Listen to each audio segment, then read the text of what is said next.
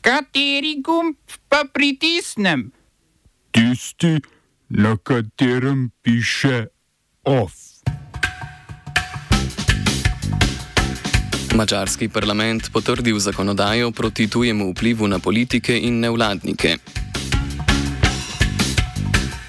Nemška koalicija z dogovorom o novem proračunu od fiskalnega pravila ne odstopa.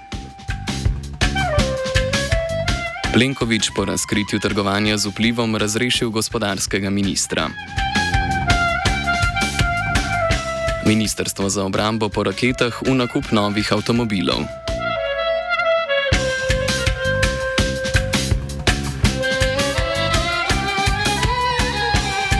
Dobar dan, poslušate poročila na Radiu Student.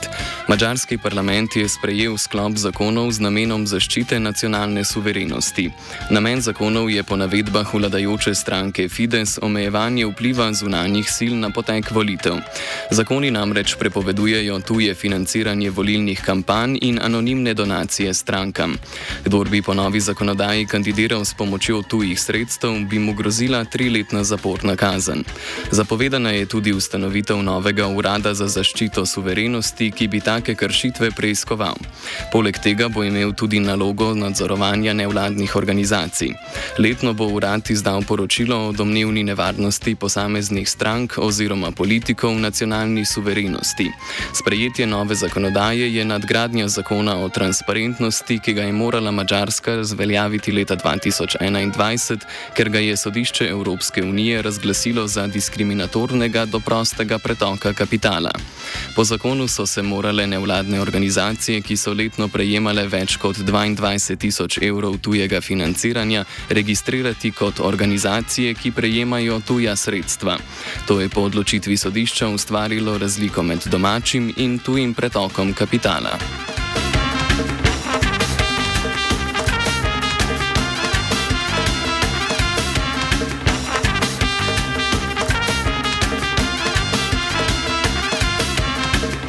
V nemški vladajoči koaliciji socialdemokratov, zelenih in liberalcev so se dogovorili o proračunu za naslednje leto.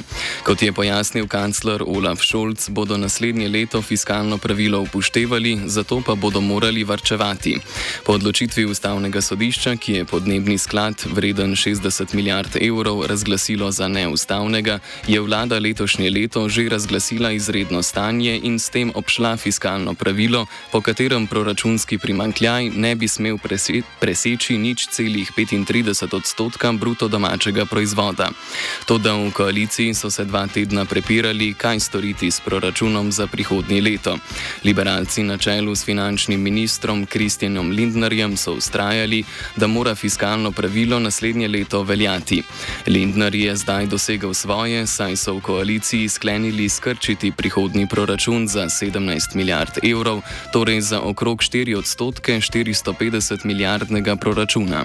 Šolc je dejal, da bodo privrčevali na okolju škodljivih subvencijah, porabi ministrstv in zvezdnih skladov.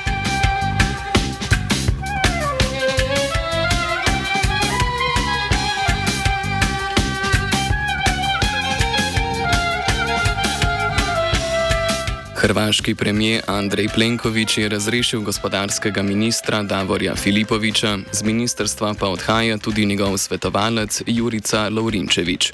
Razrešitev sledi objavi posnetka pogovora med Laurinčevičem in novinarjem regionalne televizije Mreža TV Marinom Vlahovičem, ki ga je objavil tednik Nacional. V pogovoru sta se dogovarjala o zakupu oglasnega prostora na televiziji, ki ga, ki ga izvajajo državna podjetja, pri tem pa omenjajo, omenjala, kako si bodo na televiziji razdelili oglaševalski denar. Med drugim je novinar hotel, da bi denar prejel direktor televizije Saša Engler. Lovrinčevič in Vlahovič sta si po razkritju večernega lista dopisovala tudi o tem, o čem vsem morate obvestiti opozicijsko stranko Most. Z gospodarskega ministrstva, ki ga je vodil Filipovič iz vladajoče stranke Hrvaška demokratska skupnost, so informacije preko Lovrinčeviča in Vlahoviča romale do poslanca Mosta Nikole Grmoje. Filipovič je danes pred mediji ustrajal, da z odstopom sicer prevzema politično odgovornost, a ničesar, kar so mediji razkrili, ni vedel. Prvi put sam to jučer vidio, to, to je nešto što se ni u kom slučaju nije smjelo dogoditi. Ja nisam bio svjestan da su podaci na takav način išli prema tom novinaru koji, on, koji onda to dalje prosljeđivao mostu. Generalna skupščina Združenih narodov je sprejela resolucijo, ki zahteva nemudno vzpostavitev humanitarne prekinitve ognja v Gazi. Resolucija, ki jo je podprlo 153 držav, 10 pa jih je bilo proti, ni zavezujoča. Podobno resolucijo Varnostnega sveta Združenih narodov so predtem blokirale Združene države Amerike. Izrael tako nadaljuje svojo ofenzivo v Gazi, v kateri je od 7. oktobra okupatorska vojska pobila prek 18. 18 tisoč ljudi. Palestinskim odporniškim skupinam je v Gazi zadnji dan uspelo ubiti deset izraelskih vojakov, je sporočila izraelska vojska. Šlo je za zasedbo brigade Al-Quds palestinskega islamskega džihada, v kateri so po lastnih trditvah napadli 15 izraelskih vojakov. Smo se osamosvojili, nismo se pa osvobodili. Je še 500 projektov. Izpiljene modele, kako so se strani nekdanje LDS rotirali. Ko to dvoje zmešamo v pravilno zmes, dobimo zgodbo o uspehu. Takemu političnemu razvoju se reče udar. Jaz to vem, da je nezakonito, ampak kaj nam pa ostane? Brutalni obračun s politično korupcijo.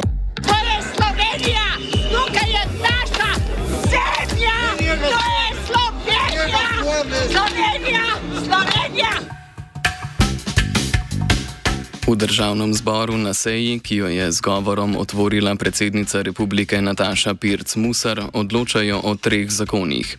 Zakon o statusnem preoblikovanju zavarovalnice vzajemna ob ukinitvi dopolnilnega zdravstvenega zavarovanja določa, kako se bo zavarovalnica preoblikovala v delniško družbo. Po zakonu bodo zavarovanci prejeli delnice ali izplačilo denarja. Poslanci odločajo tudi o novem zakonu o minimalnem davku. Po njem bodo največje podjetja podjetja morala plačati najmanj 15 odstoten davek na dobiček. Čeprav za pravne osebe velja 19 odstotna splošna obdavčitev, lahko zaradi davčnih olajšav dejansko plačujejo tudi nižje davke. Zakonom Slovenija uveljavlja dogovor o minimalnem globalnem davku.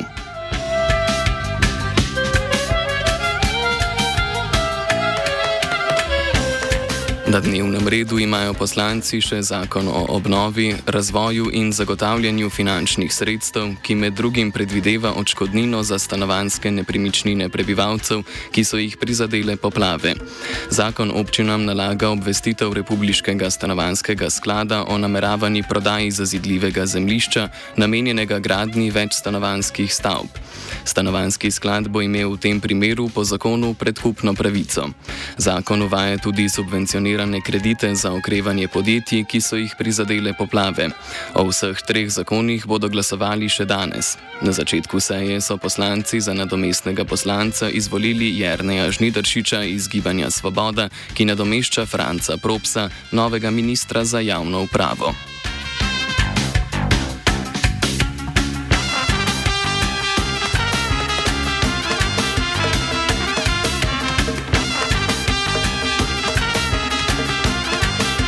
Vlada je v načrt razvojnih programov do leta 2026 uvrstila nov projekt obrambnega ministrstva. Čeprav morajo s finančnim ministrom Klemnom Boštjančičem preostali ministri barantati za vsak dodaten cent porabe državnega denarja, pa obrambno ministrstvo kupuje nove avtomobile. V okviru lastnega finančnega načrta bodo na ministrstvu Marjana Šarca porabili dobrih 24 milijonov evrov za nabavo terenskih, lahkih tovornih, kombiniranih in osebnih vozil. Nabavljajo torej terence, manjše tovornjake, kombije in osebne avtomobile. Kakor trdijo na ministerstvu, bo nakup namenjen pretežno za potrebe vojske in civilne zaščite, v manjšem obsegu pa za upravni del ministerstva. Pravijo, da bodo z nabavo brez emisijskih vozil dosegli cilje za zeleni prehod na področju prometa v državni upravi.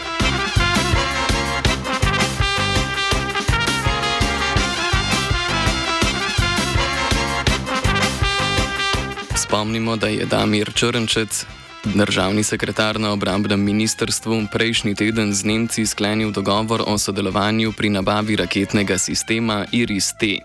Ministrstvo bo za noč štelo okrog 200 milijonov evrov. V načrt razvojnih programov do leta 2026 je vlada julija uvrstila še nakup osemkolesnih oklepnih vozil v vrednosti 700 milijonov evrov, nakup vojaških helikopterjev v vrednosti 200 milijonov evrov ter nakup transportnega letala Spartan vrednosti 70 milijonov evrov.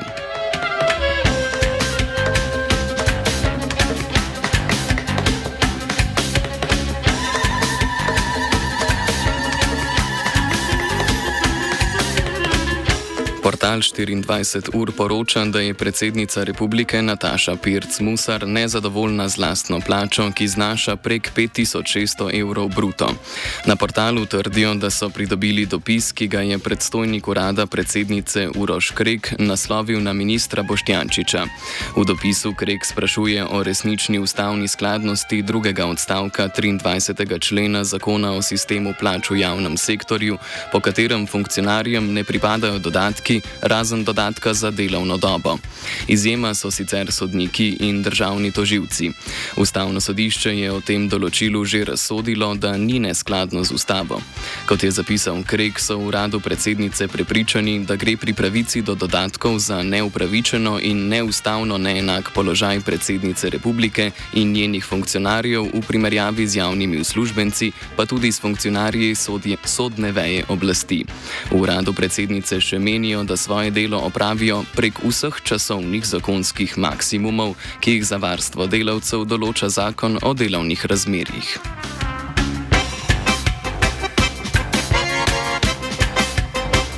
Ovsta pripravila vajenec Rok in Martin. Poslušate Radio Student. Želimo vam uspešen vzlet in prijetno potovanje.